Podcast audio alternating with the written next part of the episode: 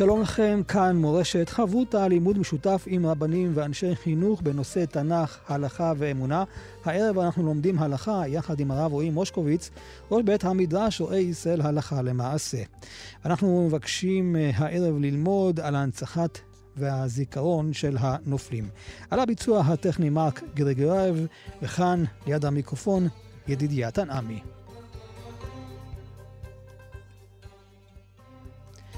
שלום לך, הרב רועי מושקוביץ. שלום וברכה, רבי ידידיה, לך ולכל המאזינים, לכל המשתתפים. בעזרת השם, בסייע דשמיא, אנחנו נשב ונלמד ונעסוק ביחד בלימוד התורה, לימוד ההלכה, כמובן גם לזכרם של החיילים, מיטב אה, עם ישראל, שנמצא פשוט במצב שהוא מצב של לחימה, מצב של מלחמה. ואנחנו יודעים שכביכול מה שקורה כאן למטה קורה גם כאין זה למעלה שם אה, בשמיים. כי אנחנו יודעים שבית המקדש של מטה מכוון כנגד בית המקדש של מעלה, וכבר הקדוש ברוך הוא בעצמו, כביכול, אם יש לנו פה הבנה, כן, באנשה, האנשה עם א' כמובן, א' נ' ש' ה', אומר, אני לא מגיע לבית המקדש של מעלה קודם שאני מגיע לבית המקדש של מטה. אז אם פה יש מלחמה, ומלחמה שלצערנו, שלא נדע, עקובה אה, מדם, מדם אה, מיטב בנינו, מיטב החיילים, מיטב האנשים שפשוט מוסרים נפש למען עם ישראל, למען זה שעם ישראל ימשיך להתקיים, וימשיך וישמור על המעמד שלו, על היהדות שלו, על החיים שלו. אז אה, כן, זה גם קורה שם. אנחנו צריכים לדעת שיש מאבק, יש מאבק גשמי פה בארץ ישראל. אה, חלקו אולי כבר לא בארץ ישראל, בעזה או בשאר המקומות. וכנגד זה יש מאבק, אולי גם, אני לא יודע, אבל ככה זה נראה, עקוב מדם, שלא נדע, גם שמה בין אותם כוחות הרשע. כוחות הרשע שנוצרים מהבנות, מהייסורים, מהדברים הלא טובים ש, שיש כאלה שעושים, שלא יודע לא לב על אף אחד, כנגד אותם אה, אנשי uh, עם ישראל, אותם uh, אלוקי אברהם, אלוקי יצחק ואלוקי יעקב, האבות, אברהם, יצחק, יעקב, משה, אהרון, דוד ושלמה וכן הלאה והלאה. בכל דור ודור יש אותם ל"ו צדיקים שפשוט נלחמים במיטב הכוחות שאנחנו נותנים להם מכאן, את המי נוקבין הזה, את אותם אה, כוחות, אה, אותו מצוות, אותם מעשים טובים שאנחנו עושים כאן, כל אחד ואחד מאיתנו שעושה ומתגבר, ויש לו ניסיון ועוד ניסיון ומתגבר, ומתגבר ומנצח, מנצח בקרב הגדול. כמו שאמר אותו חסיד, אמר לאותם אנשים שחזרו מהמלחמה, והוא ראה את המנצחים, הוא אמר להם, יפה, חזרתם ממלחמת, מלחמה מסוימת, אבל יש לכם מלחמה הרבה יותר קשה ומתישה. והם שואלים אותו, איך זה יכול להיות? אנחנו שניצחנו את אה, כל המקומות, ח'אן יונס שזאייה ועוד מקומות, ואיך אתה יכול להגיד שאנחנו, יש לנו מלחמה יותר קשה כאן, בארץ, בבית, באותם מקומות, באותם מקומות המוכרים? אמרו להם, נכון, ניצחתם במלחמת הגשמית, אבל יש את מלחמת היצר. וזה לעומת זה, זאת אומרת, ככל שאנחנו פה, כל אחד ואחד מאיתנו. אה, ינצח את היצר הקטן שלו, הרע שלו, שלו, שגם בבני ביתו, אדם שיש לו אחריות על קהילה, על קהילה, על שכנים, על חברים, אם הוא רב הראשי לישראל, אז כל עם ישראל כביכול יש לו השפעה, או אדם שיש לו השפעה יותר רחבה על כל העם, על עם ישראל, על כל העולם, ככל שאנחנו נצליח להילחם פה, באותן מלחמות קטנות, ונצליח לנצח את האויב, את היצר הרע, אז זה ייתן ממש כוח, ממש מי נוקבין, כמו שמותר בספרים. שזה כמו שאתה מעלה, אה, כמו משלוח. אנחנו לא יכולים לשלוח לעזה נשק, אנחנו לא יכולים לשלוח לחיילים שלנו אה, אפודים או קסדות. אה, לא יודע אם יש בכלל תקני פה לקנות. אנחנו לא יכולים לשלוח להם דברים כאלה, אבל אנחנו כן יכולים פשוט לשלוח להם את אותם זכויות, אותם כוחות, אותו כוח הגנה אותו רוח מגן, אותו אה, תורה ומצוות ומעשים טובים שכל אחד ואחד מאיתנו. יש גם גיוס של בני הישיבות ברמה הרוחנית. חובה, ואני בכוונה לא, לא מזכיר בני ישיבות, כי אני רוצה להזכיר מה שהזכרתי כמה פעמים. החובה ללמוד כולם. תורה ומצוות זה על כל יהודי באשר הוא יהודי. אין כזאת הלכה להיות אה, מצוות לדתיים, לחרדים, לבני הישיבות. הם... אה, כן, נמצאים באותו מקום, בוודאי שעליהם מוטלת החובה ללמוד תורה, אבל החובה היא על כל אחד ואחד מאיתנו. גם אדם שעובד לפרנסתו, למה לא, פשוט הוא לא יודע שהוא לא, מעולם לא התחנך, לא ראה ישיבה מעולם, עדיין בזמן הפנוי יש לו חובה וצורך, ולא רק צורך, זאת אומרת, היום זה, זה אולי הדבר היחיד שיכול פה לתת פה איזה, איזה פוש מסוים בשביל הניצחון. אנחנו יודעים שהכל, כל יעקב, אין הידיים ידי עשיו.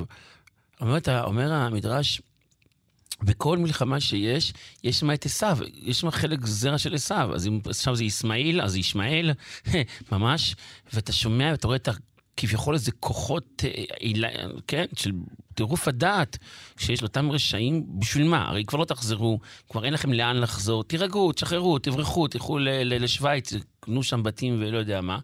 ותמותו שם. לא, אבל הם פה נלחמים, בשביל מה? בשביל למות, בשביל מה? בשביל להרוג עוד חלילה וחס. שהשם לא יפק, לא ייתן את זממם, לא ייתן השם מהווה רשע או זממו, אל תפק ירומו סלע. זאת אומרת, אנחנו צריכים לדעת שזו לא מלחמה רק גשמית פיזית. פה טנק מול, אה, מול, אה, אה, מול קלנצ'ניקוב, אלא זה פה מלחמה רוחנית בכל המרמ"ח והשסה, ואתה רואה את זה מפורש, אתה רואה, אני לא רוצה, אני לא יודע מי אני ומה אני, אבל לאבחן את זה שדווקא בשבתות, שים לב שיש יותר רפיון בעם ישראל בלימוד תורה, יש את השבת מאוד, כן, אז ישראל מנהיגים את השבת, זה דבר גדול, אז אתה רואה פתאום יותר, כן, עדיין אנחנו צריכים לדעת שיש פה מלחמה, ואף אחד לא יכול לפתור את עצמו מלחמה. אף אחד לא יכול לשמוע אה, שלא נדע שיש איזה עוד הרוג ועוד הרוג, והוא שלום עליי נפשי. ולהמשיך להתייחס עם אותו דברים. ופשוט אחרי לראות את החדשות על ההרוג, לראות איזה עוד איזה משהו שאסור לראות בעיניים, או לשמוע או לדבר כן. משהו. זה לא שייך, זה לא אפשרי. אה, אה, הקדוש ברוך הוא מנער פה, מנער את עם ישראל, מנער יום ועוד יום ועוד יום, והוא מתחנן, אנא תחזרו בתשובה. אנא תשובו. בעבר היה לנו את ירמיהו, את ישעיהו, את מיכה. ואת חגי, את הנביאים שיכולו לצעוק ולהתריע. אין לנו היום את הנביאים האלה. באותנו הרבים כל כך התרחקנו מהבורא יתברך שמו, שכבר אין לו נביאים פה שיכול לשלוח אותם. אז הוא שולח את זה בצורה אחרת, והוא ממש מתחנן, מתחנן יום אחרי יום, תתעוררו. תתעוררו, תתעוררו, תתעוררו. עם ישראל תתעורר, עם ישראל תשוב, עם ישראל ת, תוסיף מצוות, תוסיף uh, קדושה וטהרה. וזה ברור וזה פשוט, שכאשר יהיה פה קדושה וטהרה וסייג, יהיה פה שמירה. יהיה פה שמירה. אנחנו חיינו פה כ-70 שנה עם שמירה לא מוסברת, לא מובנת. הנה, ראינו יום אחד שמחת תורה, ביום אחד מה שקרה, למרות כל מה שהיה וכל הארסנל הנשקי, וגם עכשיו אנחנו רואים שיש ארסנל אולי גדול מאוד וכבד מאוד, ועל פניו, בזכות הידידה של, של עם ישראל, זה אמריקה ששולחת, שעדיין שולחת, מקווה שתמשיך לשלוח את הנשק ויהיה אישור ללחם בשביל החיים שלנו, ועדיין, שהשם ישמור מה שקורה, וכל יהודי זה נצח, זה עולם, זה חיים. או, אז בנקודה ככה... הזאת, אני חושב שבאמת הרב, אה, לצערנו הרב, אנחנו שומעים בכל יום ויום את, אה, את ההרוגים, צופים בהלוויות, צופים בהספדים, והעניין הזה של ההספד הוא באמת קורע. אתה מרגיש כאן במלחמה הזאת שההספדים הללו זה לא רק משהו אישי של אותה משפחה, אלא זה שייך לכל עם ישראל. ואני מיד אה, נזכר בעניין הזה של חשיבות ההספד, של ההכרה של אותו אדם שנפל, שהיה שליח שלנו אה, בעזה, בצפון וכולי וכולי, כי העניין הזה שאתה פתאום מרגיש מחובר אליו, זה אולי האחדות של עם ישראל. ואת זה למדנו מאברהם אבינו, שהוא בא ועומד לפני שרה שהיא מתה, והוא סופד והוא בוכה, ואנחנו קוראים בפרשות שלנו את העניין של המספד הגדול שעושים ליעקב אבינו, עד שאפילו מקום במצרים נקרא אבל מצרים, כי זה על שם האבל הגדול אה, ביותר. ואם אה, נמשיך הלאה, אנחנו אה, פוגשים את ההספד על אהרון הכהן, שעם ישראל בוכים 30 יום, אנחנו פוגשים את ההספד על שמואל, ו... אחרי ידוע ממש את העניין של קינת דוד על שאול ויונתן, שזה ממש מחבר אותנו עכשיו למלחמה הזאת. אז כמה באמת חשוב העניין הזה של לבוא ולהספיד ולהכיר ולהוקיר את מי שנפל. כמו שהזכרת וכתבת על ידי, ואנחנו נמצאים באמת בפרשת אה, ויחי, כרגע לפני, אה, עכשיו יש לנו פרשת ויגש, ופרשת ויחי שואלת הגמרא, כלים חז"ל, מדוע פרשת ויחי היא סתומה? היא לומר לך שכיוון שנפטר אה, יעקב, אז נסתתמו עיניהם של, של ישראל והתחיל השעבוד. זאת אומרת, ואנחנו יודעים גם שעד שלא נפטר אה, יוסף, אחרון ואו לוי, אחרון השבטים, אז הנה, אז עדיין, אה, עדיין לא התחיל השעבוד. זאת אומרת, אנחנו רואים מה רואים פה. רואים גם מה הכוח של יהודי, של צדיק, בעם. זאת אומרת, אני לא רוצה להיכנס פה שוב לחשבונות שמיים, כי מי אני ומה אני.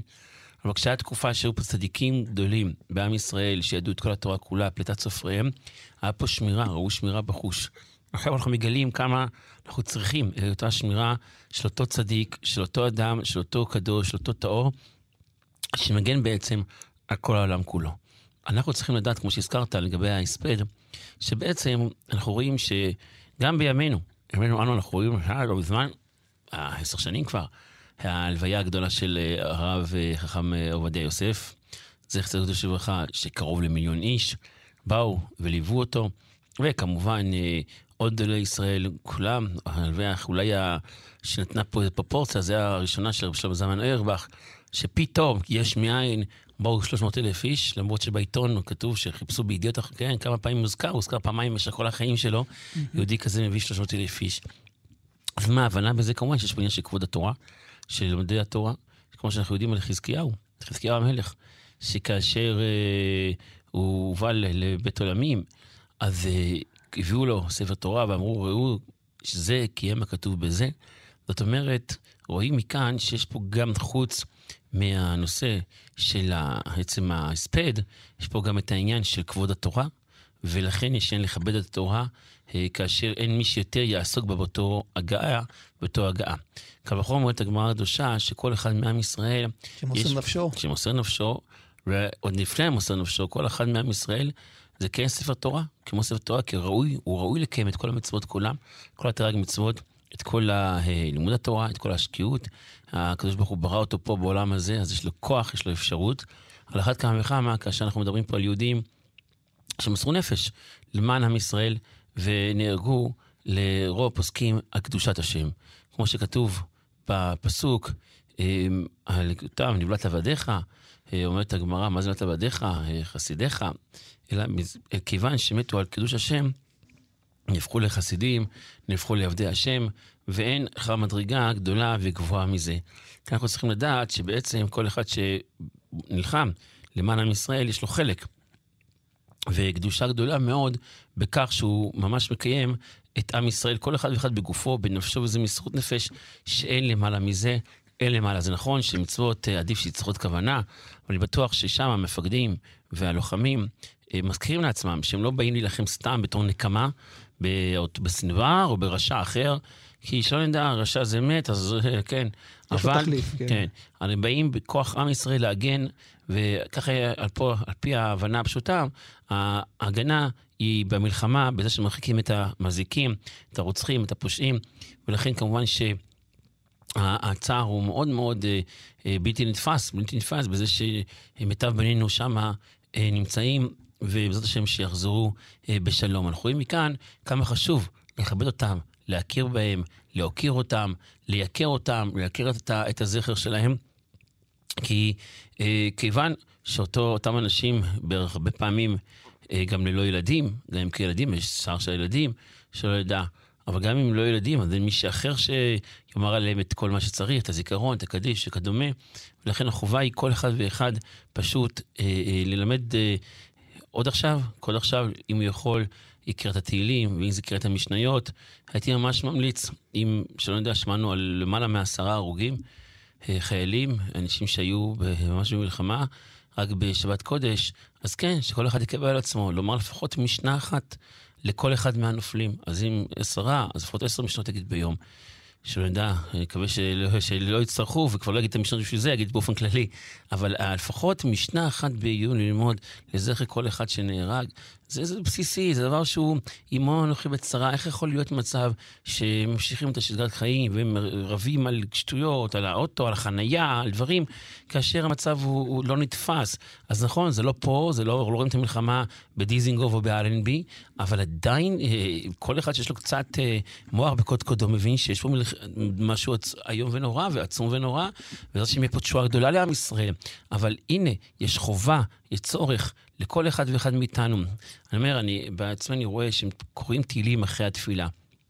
זה חשוב מאוד, זה חשוב, אבל זה לא יהיה מצב שקוראים תהילים בשביל כביכול לצאת ידי חובה. נו, יש עוד דקה, התפילה נגמרת בשמונה, אני נגמרת בשמונה בשתי דקות. זה ממש לא ככה. אדם צריך להרגיש שהתהילים שלו, הוא בא עכשיו לשנות את רוע הגזירה, להפוך את הגזירה מגזירה פחות טובה לגזירה טובה. כמו שכתוב שהצדיקים יש להם אתר, יש להם ממש פלשון, שבהם יכולים להפוך את מידת הדין, מידת הרחמים. זאת המטרה של קריאת תהילים. זה לא בשביל להגיד עוד שמונה פסוקים או עשרה פסוקים או עוד שתי דקות להישאר בבית הכנסת, אלא ממש מלחמת, מלחמת חורמה בכל מה שצריך. והמלחמה אולי הקשה ביותר, כמו שהזכרנו, זה מלחמת היצר. ופה, לצערי, אנחנו עושים לעצמנו הנחות, כל אחד ואחד מאיתנו. אני כמובן האחרון שאתה יכול לתת תכחות, או תוכחות, או להוכיח, אני רק בא לתת רעיונות, כל אחד ייקח את זה לאופן שהוא רוצה. אבל אם אדם יש לו אפשרות לא להשתמש בדברים שאסורים, דברים שגדולי ישראל הורו שזה אסור, והורו באופן פשוט וברור שזה אסור. אז אם זה אסור, אז אין לזה שום היתר, ואין לזה שום תירוץ. אם אדם צריך לצורכי, אה, לצורכים מסוימים, אז תמיד יש, יש אפשרות גם בהיתר. להגיע לכל הצרכים האחרים. אז אולי זה טיפה יותר קשה. אבל מה יותר קשה? יותר קשה להתאמץ ולא להשתמש באותם דברים שאסור, או יותר קשה פשוט לישון באיזה דיונה בחול, שם עם שבועיים בלי מים. היה איזה חייל שסיפר, שבוע שלם לא היה להם מים להתרחץ, שבוע שלם לא היה מים. המפרש חיפשו עד שהם עשו שישייה באיזה מקום של מים והתקלחו בזה. אז מה יותר קשה? אז מה, אז מה, אנחנו יודעים כולנו שאנחנו נמצאים בספינה אחת, וחור בספינה זה חור שגורם להצפה לכולם, והטימה בספינה זה הטימה לכולם. אז אדם מתגבר קצת, יהיה לו טיפה קשה, נכון? לא קל, לא קל אה, לא להשתמש בכל מיני דברים שאסורים. אבל עדיין, כן. המינימום הזה, או. שחוסר אמונה, אז משהו אחר, צריך לפתוח את הספר, אמונה ביטחון וללמוד. כן. אבל מי שמאמין ויודע ומודרך על פי תורת השם, אז הוא לא יכול להגיד זה קשה. זו לא תשובה. אפשר ללמוד מהחיילים עד כמה הקושי ואפשר להתגבר. עכשיו אני רוצה לשאול אותך את השאלה של הגמרא. האם המספד, האם הדברים שאנחנו אומרים אה, מעל הקבר או באזכרות וכולי, האם זה לכבוד, אה, אני מתרגם את זה לעברית, כן? האם זה לכבוד אלו שנפטרו, או שזה בעבור האנשים החיים? בלשון הגמרא, נדמה לי זה איכא דשחווה או איכא דחי. כן. אז נכון, השאלה כבר נשאלה, וכמובן שאנחנו יודעים היום שנפסק פשטות שזה כבוד החיים. לכן זה נפקא מן הרבה מקרים. ולכן כאשר אדם יש צורך ויש חובה, כל אחד כמה שיכול ללכת, אם יכול לנחם, אם יכול להשתתף בצער, אם יכול אה, פשוט לעשות פעולות אה, לצורך, אז הפעולות יכולות להיות גם לעילוי נשמת, אבל זה לא רק לעילוי נשמת, אלא גם אם הוא מכיר את אותן משפחות, אפילו לא מכיר, ויש לו את האפשרות להגיע, להשתתף, לשמח, לתת תקווה. לעודד. לעודד, כן. נכון מאוד. זה בעצם המצווה אולי הגדולה ביותר, שלומדים את זה מהבורית ברוך שמו, מהו חנון, הפתח חנון, מהו מבקר חולים, אף אתה מבקר חולים, מהו מנחם, גם אתה מנחם. זאת אומרת, יש לנו מצווה יש לנו חובה, יש לנו צורך, אבל יש לנו גם אפשרות. יש לנו אפשרות לשנות את רוע הגזירה. וזה בעצם מה שאנחנו התפקיד שלנו, וזה אולי בחלק ממש המשך ישיר לאיקרא דחיה. כי אם אתה רוצה שהחיים יישארו חיים, אז יש צורך. יש צורך פשוט ללכת ולתת פה איזה פוש מסוים של קדושה, של טהרה, של מצווה, וזה בעזרת השם יושיע את עם ישראל. אני רוצה אולי ככה עוד בחלק הזה לגעת, אה, תכף גם אה, נשמע דברים אולי בעניין הזה, שבסופו של דבר הרי זה אנשים שנפלו על קידוש השם, לא הכרנו אותם. ודרך המשפחות, דרך החברים, אתה פתאום רואה איזה עולם מלא נפל, איזה חלל גדול. ואני חושב שאולי באמת הדברים הללו מלמדים גם אותנו. איזה נשמות קדושות, איזה נשמות טהורות היו לנו, וכדאי באמת ללמוד מה, מהדברים שהם עשו, כי כשאתה לא מכיר, אז בסדר, אז אתה לומד מדברים על זה. אבל פה אתה רואה אדם שהיה גם, סתם לדוגמה, יש הרבה, אני לא אזכיר שמות, כי באמת אני לא רוצה לפגוע באנשים שלא נזכיר אותם. אה, אנשים שהיו תלמידי חכמים ונפלו על באמת קדושת השם מסירות נפש בלחימה. זה נותן לך כוח, זה פתאום אתה, אתה מרגיש, כמו שהרב אמר, שהמלחמה היא לא סתם. וצריך לדעת את זה. כי לפעמים אני שומע, אני לא שומע הרבה, כי אין לי את הזמן, כן. גם אני לא כל כך מעוניין. אבל יש קצת סוג של, סוג של חלישות הדעת. הנה, שלא נדע, נהרגו, שנשמור, שלא נתפס, לא נתפס במוח האנושי. ודווקא אני רוצה ללמוד מה שאתה אמרת, רבי ידידיה, שלא, שאנחנו יודעים שיש להתגבר עם כל הכוחות, עם כל העוצמה, כל הנחישות, בזמן המלחמה, בשביל ללכת, לנצח, להילחם ולנצח. וזה התפקיד שלנו, פשוט לעודד אחד את השני. איש את רעהו יעזרו ולאחיו יאמר חזק. כי יש לנו מלחמה, אתה רואה איך, איך הם משתגעים, יימח שמם הערבים. ערבים, או אותם מחבלים, טרוריסטים, אותם אנשי רשע, ממש עם כל החושבים עליהם מחשבות וכל מיני רעיונות זדוניות בשביל להילחם בעם היהודי. לכן אסור לנו חלילה וחס לא ליפול ברוח, אלא ממש לצאת מפעם מתשועה גדולה, כמו שהזכרת, לראות אותם אנשים שפשוט נלחמו במסירות נפש וחירפו נפשם, כן. חירפו נפשם כפשוטו, כפשוטו במסירות נפש אדירה. זה לא משהו שלא נתפס במוח אנושי, זה לא ש... אי אפשר להבין את זה, זה כוחות שהם בלתי נתפסים. מלמעלה. ממש ככה. ופשוט לחמו ומסרו. אז אפשר לתפוס עוד פעם לקטע הפוליטי, ולהתקשקש, ולהיכנס, ולקחת את זה לכל מיני מקומות. אבל הנה, ברוך השם, תשים לב, אנחנו נמצאים בעם ישראל, בארץ ישראל, שנמצאים ברוך השם בסוג של שלווה, בסוג של אה, ברוך השם מסעד דשמיא, וגם פה, בשביל העם ישראל, עשרות ומאות ואולי אלפי אנשים מסרו נפש בשביל שהדור הבא יתקיים. זאת אומרת, אני שוב לא נכנס לשאלה האם המלחמה היא צודקת או לא צודקת, זו שאלה אחרת, זו שאלה, זו שאלה אולי רעיונית, שאלה אולי פוליטית גם, האם היה צורך להיכנס לאותו מבצע קרקעי או לא היה צורך, על פניו זה נראה שכן היה צורך, ככה זה נראה. אה, שוב, אנחנו לא יודעים, אבל ככה זה נראה. כעת, במצב הנוכחי, אסור חלילה וחס לאבד את, ה, את הרוח הלחימה, ואת רוח הגבורה, ואת רוח העוצמה שיש לנו, כל אחד ואחד מאיתנו. ואת הכוח הזה אנחנו לוקחים, את הרוח הזה אנחנו לוקחים מהבורא יתברך שמו, שהוא כן מלחמות השם, כן מלחמות הסדר. זאת אומרת, הקדוש ברוך הוא, הוא המלך של המלחמות. ואם הוא רצה, ועובדה שזה קורה, שיהיה פה מלחמה, אז צריך לנצח את המלחמה אותי, וזה צריך להיות גם בגבורה גושמית, גופנית, וכמו שהזכרנו, גם בגבורה על ניצחון היצר. אז אולי נסיים את החלק הזה בדברים של אה, דוד, בסיפור הזה עם נבל הכרמלי. דוד המלך. כן, אז הוא אומר ככה, שא נא לפשע אמתך, כן, כי עשו יעשה השם לאדוני בית נאמן, כי מלחמות השם אדוני לך. נלחם, כך אומרת לו אביגיל, וראה לו תימצא בך מימיך. מלחמות השם, אתה נלחם. חברותה עם ידידיה תנעמי.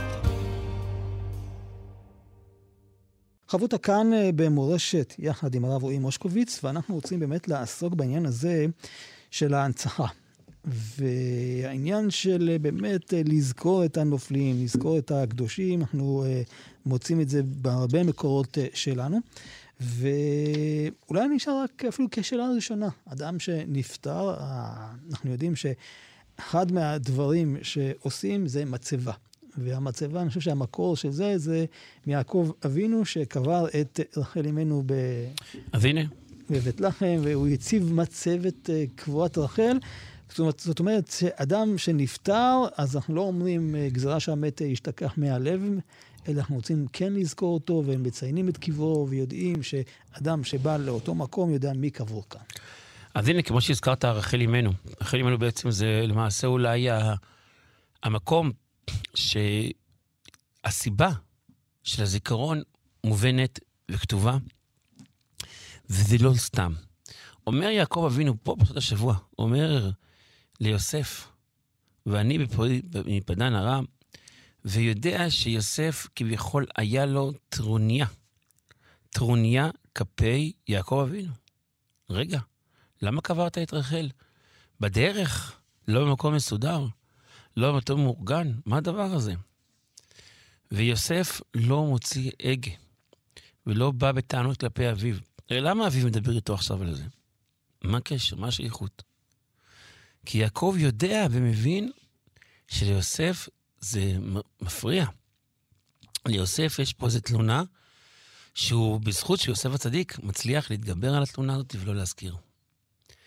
ובעצם, יעקב אומר לו, הסיבה שהיא קבורה בדרך בית לחם, זה לא לחינם, זה לא לריק, אלא בכדי שבני ישראל, כאשר הם יצאו לגולה, יהיה להם מקום לבוא, להתפלל ולהזכיר את אותם החמי שמיים של רחל אמנו.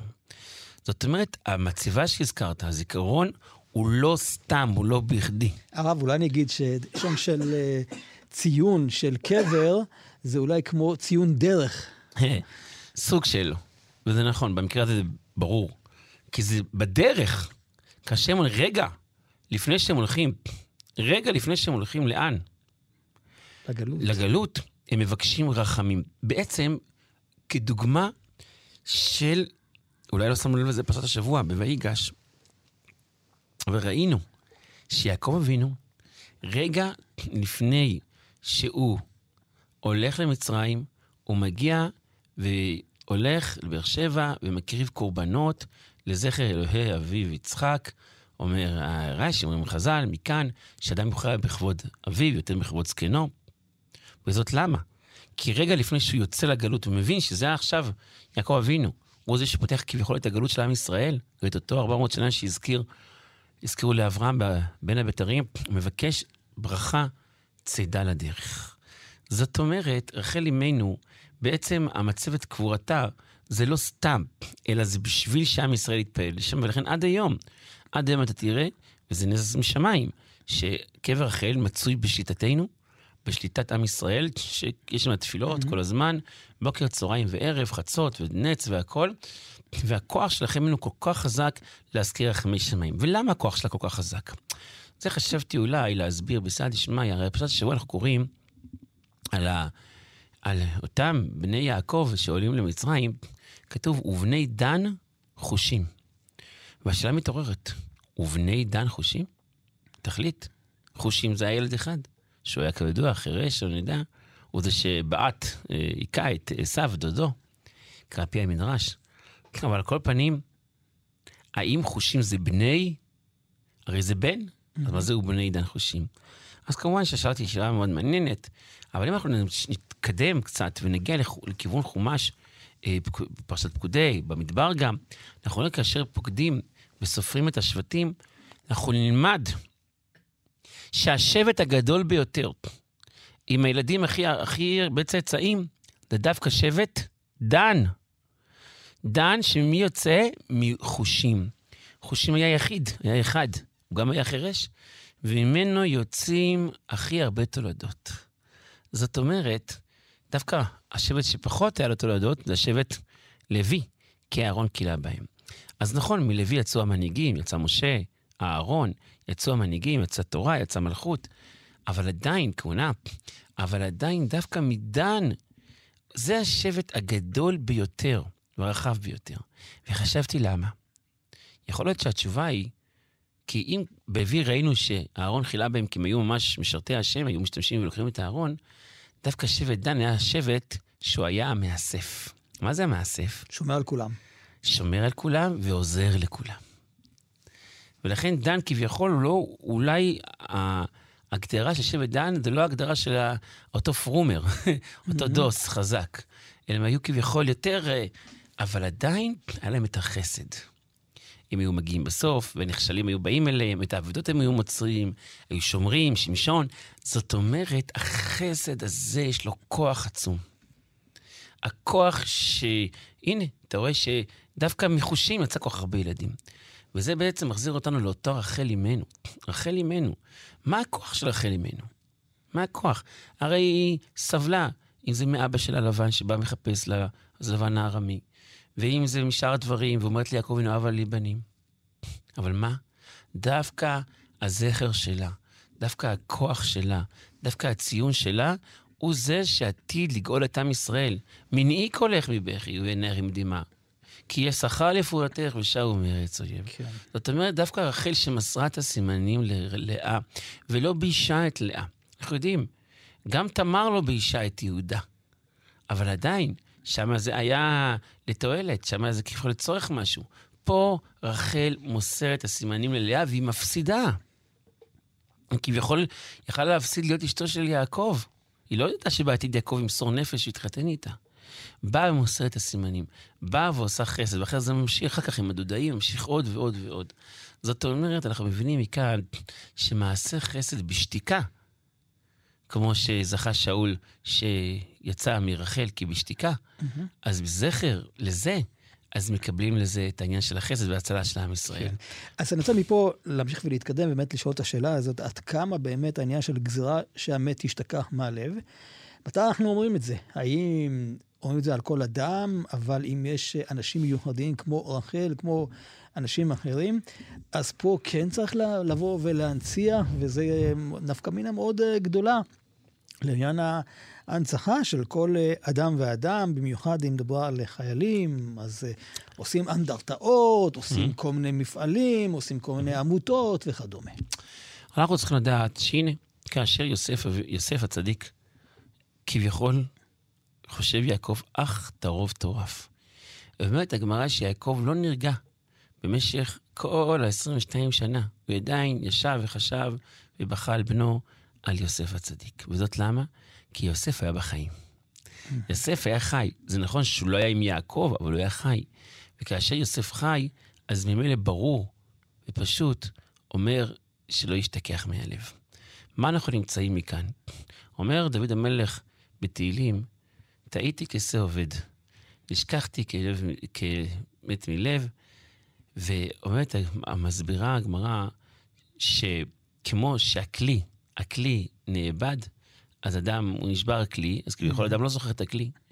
על כל פנים, כאשר יש זיכרון מאותו אדם, אז הזיכרון שלו ממשיך. כמו שהגמרא כבר מזכירה ואומרת, מה אומרת הגמרא, הגמרא הקדושה?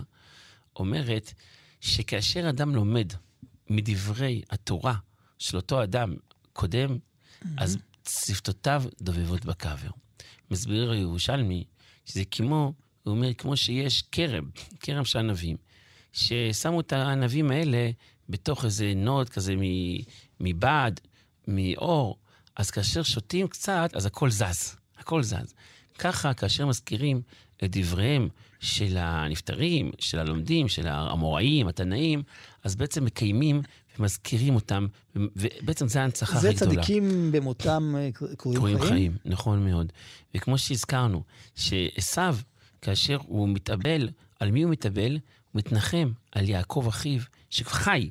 בעודו בחיים הוא חושב שהוא לא. Mm-hmm. אבל התשובה היא כמובן זה להפך, שדווקא עשו הוא היה, הוא היה המת הגדול. כי אנחנו צריכים לדעת, שאנחנו יודעים ומבינים, שהקדוש ברוך הוא בורא העולם, הוא היה, הווה ויהיה. כל הנושא של הזמן פה, אצלנו, כאן, בכדור הארץ. אצל בורא העולם אין זמן, אין לפני, אין הווה ואין עתיד. יש הכל מעל הטבע. הכל זה דבר גדול. וזה בעצם מה שאומר הרמב"ן.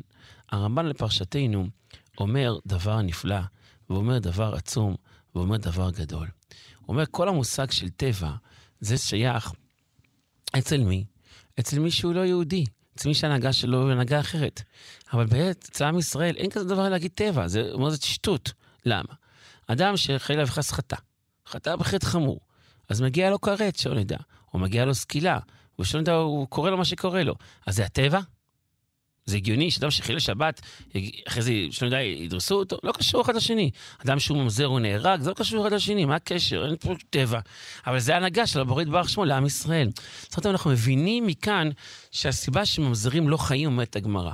זאת אומרת, מה זה ממזרים לא חיים? אותם ממזרים שהם ידועים, הם כן חיים.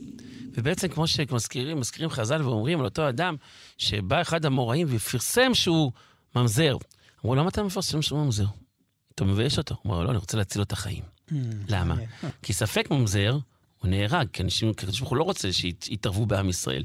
אבל מי שהוא לא ספק, מי שהוא ודאי, אז יודעים, אנשים נזהרים ממנו. אפשר למצוא לו פתרון. כן. אז ממילא אנחנו מבינים כאן שהכל זה נושא של אם לא החטא ממית, לא הרוד ממית, אלא החטא ממית. ולכן התפקיד שלנו, בעזרת השם, כן, כמו שהזכרת, להנציח. ההנצחה היא חשובה. אבל, אבל ההנצחה היא חשובה לצורך. ההנצחה היא חשובה לצורך. אם זה הנצחה לשים איזה דגל, לשים איזה עמוד, ופשוט אחרי זה לבוא ולעשות צחוק שם באזור, אז מה עשינו בזה? עשינו את זה, הנצחה, עשינו את זה, כן. אנשים אוהבים את זה, כן, יש להם איזה אבל שלט. אבל יש איסור הלכתי להקים אנדרטה? אין, אנדרטה, ככל שהיא מותרת, אז היא מותרת. זאת אומרת, אם זה לא פסל או קשקוש mm. אחר, שאסור לעשות תמונת קול, אז אסור לעשות, זה לא קשור לשום שום דבר אסור לעשות, זה גם אותו דבר, אסור גם על פניו לעשות את מה שעושים בבית הנשיא, שיש שם הפרצוף של אותו נשיא, עושים כזה, כל מיני דברים. אבל זו שאלה הלכתית אחרת, לא קשורה לעניין של ההנצחה, כן? תלוי איזה נשיא, יש נשיאים שהנציחו אותם. אבל על כל פנים, אנחנו מדברים כמובן על הבסיס. אז לכן אנדרטאות כאלה שונות ומשונות, אין צורך, אין איזה עניין. כי עוד פעם, זה סוג של אתתא דסתרי. אנחנו צריכים להוציא מאותו אדם, מאותו חייל, מאותו מפקד, מאותו שהזכרת מקודם, את הכוח, את, ה, את החלק הרוחני שלו, כלומר, הטוב אם שבו. כלומר, אם אדם, נגיד משפחה, חברים וכולי, מקדישים ספר תורה לעילוי נשמתו, או עושים מפעל חסד וכדומה, זה בדיוק הרעיון של ההנצחה? בדיוק כך. זאת אומרת, אנחנו בעצם, יש לנו בהנצחה גם את שני החלקים, כמו שהזכרת. גם לטובת, יודע, הנפטר, וגם לטובת החיים. לטובת החיים זה ללמוד ממנו. ולכן לא פעם ולא פעם אני ראיתי ספרים שיוצאו ממש ספרים שלמים על אותו אדם. ומה כתוב בספרים? מעשיו הטובים. איך אפשר ללמוד מהם. איך למרות כל ההתמודדויות של אותו אדם, הוא הצליח וניצח, ופשוט עשה פה פעולה עצומה. זה בשביל החיים. בשביל אותו אדם, של הנשמה שלו. לזכר זה אנחנו כותבים ספר תורה, תורמים לישיבה, פותחים כולל אברכים, מחזיקים אברכים, מחזיקים לומדי תורה, שבעצם הלימוד תורה שלהם הוא בעצם כך מקיים את אותו אדם שלא הצליח ולא נשאר אה, בעולם בשביל לקיים את מצוות השם. ולכן התפקיד שלנו זה, אדרבה, עכשיו זה הזמן להתפלל. למה להתפלל? להתפלל לפני.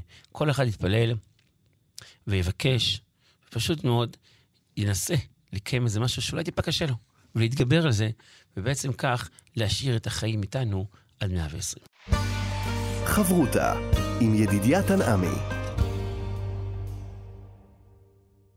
חברותה, וכאן אה, מורשת חברותה יחד עם הרב רועי מושקוביץ, ועכשיו אני רוצה לגעת בהנצחה הלאומית. זאת אומרת, עד עכשיו דיברנו על העניין של האדם הפרטי, איך מנציחים אותו, עד כמה באמת העניין הזה של ההספד, דיברנו על המצבה, על ההנצחה דרך אה, כל מיני פעולות אה, חיים. ועכשיו אני רוצה לשאול אותך, הרב, לגבי הנצחה לאומית. לדוגמה, למשל, בואו ניקח אולי דבר שהוא יותר קצת אה, פשוט, זה העניין הזה של זכר השואה. אנחנו מצליחים את קדושי השואה, לא מזמן עברנו את אה, יום אה, עשרה בטבת, שהוא יום הקדיש הכללי, המדינה גם מקדישה יום, מנוחה, יום מיוחד, יום השואה והגבורה. והשאלה כאן, עד כמה החובה של כל אדם ואדם להיות שותף אה, לימים הללו, שצרת רבים, נקרא לזה.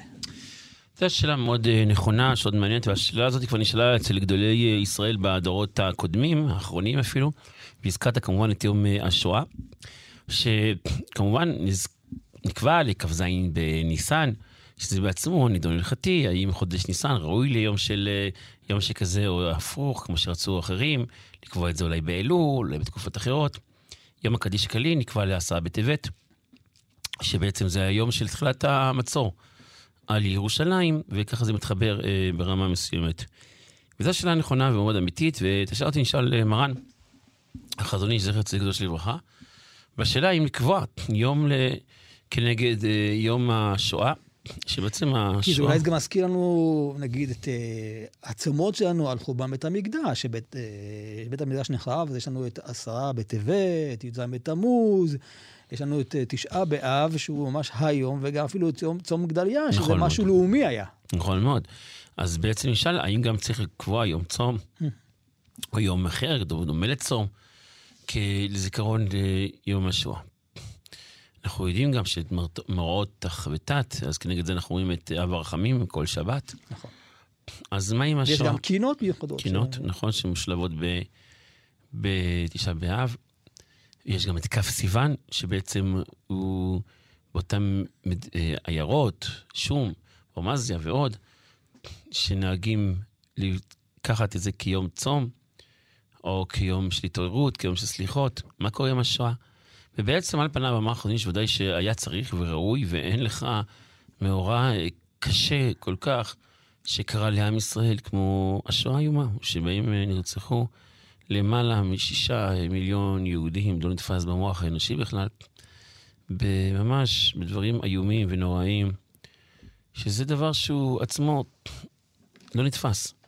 אבל ברוך השם, היה לנו תשועה גדולה, ועם ישראל קם לתחייה, וברוך השם היום רואים את עולם התורה פורח, עולם היהדות, עולם היהודים פורח, שזה עצמו רק מראה לנו וגאה לנו שהשם, הקדוש ברוך הוא, בורא עולם, הוא זה שמנהל וזה שלוקח כפי נשרים, כל אחד ואחד, יחיד, וכמובן את הרבים, והוא זה ששומר על עם ישראל ובעצם מוציא אותם מאותו uh, צרה לרווחה וליום גדול. אז שאלו את החזון איש, כיצד ראוי לנהוג? האם להקים, ליצור איזה יום כזה?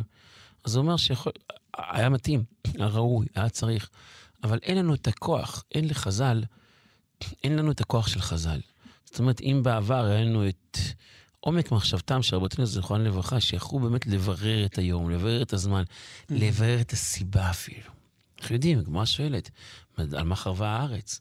אז שאלו ושאלו ושאלות שבורא יתברך שמו, בסוף אומר, על שלא יברכו בתורה תחילה. לעומת זאת, הבית השני, על שלוש עבירות חמורות. ועל שנאת חינם. זאת אומרת, אנחנו מבינים ויודעים שיש צורך לברר את הסיבה. יש צורך להבין למה, על מה ולמה. על מה חרבה ירושלים, על מה הגיעה השואה האיומה והנוראה הזאת, על מה הגיעה, שלא יודע, בשמחת תורה, יום של התורה הקדושה, יום של השמחה, יום של הקדושה, ובאותו יום חלילה וחס קורה כזה מצב. הרי זה לא נתפס. ומי שיבדוק את התאריך הלועזי, 7 באוקטובר, שהוא יום שהוא, השם ישמור, יום בעצמו, שצריך סייעת דשמיא מיוחדת לעבור אותו. אז זה יום מיוחד, זה שעה. אז מה ההבנה בזה? אנחנו צריכים לדעת שאנחנו פה נמצאים, אנחנו לא יודעים הכל. אנחנו לא מבינים הכל. אז לכן את יום השואה, למשל הרבנות הראשית, הצמידה למשהו שכבר קיים, עשרה בטבת. נכון מאוד. יום הקדיש הכללי, ועד עם עשרה בטבת. בגלל שאנחנו לא נמצאים ברמת קדושה כל כך חזקה ורוחנית. כמו של חז"ל. כמו שרבותינו זכרו, שידעו, הם היו פה וראשם היה שם למעלה. רבי יהושע בן לוי.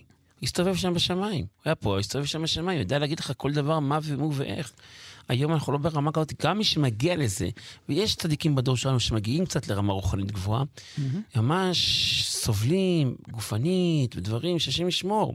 כן. כי איך אומרים, האוויר, כבר לא קדוש כמו שהיה פעם. אבל בוא ניקח למשל, הרב, את יום הזיכרון כן, כן. לנופלים במערכות ישראל, נפגעי פעולות האיבה. לכאורה, אני ניסיתי למצוא מקור לזה אה, בתנ"ך, במקרא, בחז"ל. לא מצאתי משהו ש... אה, ואני אשמח מאוד אה, אם המאזינים ככה יעירו את דעתנו, שנקבע בהלכה משהו כזה בעבר. וכאן יש גם את העניין, החשיבות הגדולה, שלפחות מה שקראתי, שלא רק היום הפרטי של אותו אדם שנפל ביום שלו, אלא הביחד הזה, ואני חושב שגם הנקודה הזאת, שאנחנו לא רק נעצבים על מה שהיה, אלא באמת מוקירים, וזה מה שדיברנו oh. על כל הנקודה של oh. ההנצחה. המטרה של יום הזיכרון יפה. זה לא רק יפה. לבכות, אלא לתת להם כבוד על זה שהם היו שוב, השליחים שלנו, אה, להוקיר להם על זה שהם מסרו את נפשם בשבילנו. בעצם גם אנחנו רואים את זה בימים הטובים כן. שלנו, שכבר המהר"ל מביא ועוד, שאנחנו לא שמחים רק על העבר. אנחנו יודעים שאותו יום יש לו הארת פנים. Mm. הוא יום גדול, יום שאפשר לזכות בו, אם זה פסח לאמונה, אם זה, סליחה, מחילה, בכיפור וכדומה. זאת אומרת, לכן, כמו שהזכרנו, אין עניין ביום הזיכרון לבד אם אין לו את התועלת המעשית. העבר הוא חשוב לא בשביל העבר. אנחנו לא יכולים לחזור אחורה. אף אחד מאיתנו. זה נכון שבצום אנחנו אומרים, אנחנו חוזרים למוחין שהיה על סדר, זה גדרים. אבל אף אחד לא יכול לחזור אלפיים שנה וחמש מאות שנה ויום אחד אפילו אחורה. אי אפשר.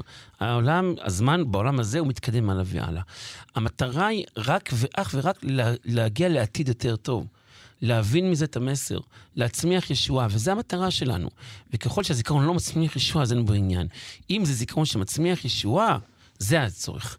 ולכן אנחנו צריכים פה, כאן, כולנו, כאשר אנחנו זוכרים ומבינים ומרגישים, אנחנו יודעים מה המטרה של מה התפקיד שלנו. והתפקיד שלנו פשוט להילחם. להילחם, להילחם, מי שנלחם גשמי, אז זה גשמי, מי שנלחם רוחני, אז להילחם רוחני, ובעזרת השם, שיהיה ניצחון גדול, יהיה ישועה גדולה לעם ישראל, ויאמר לצרתנו די, זהו, נמאס כבר לשמוע הותר לפרסום, מעכשיו אין צורך להותר לפרסום.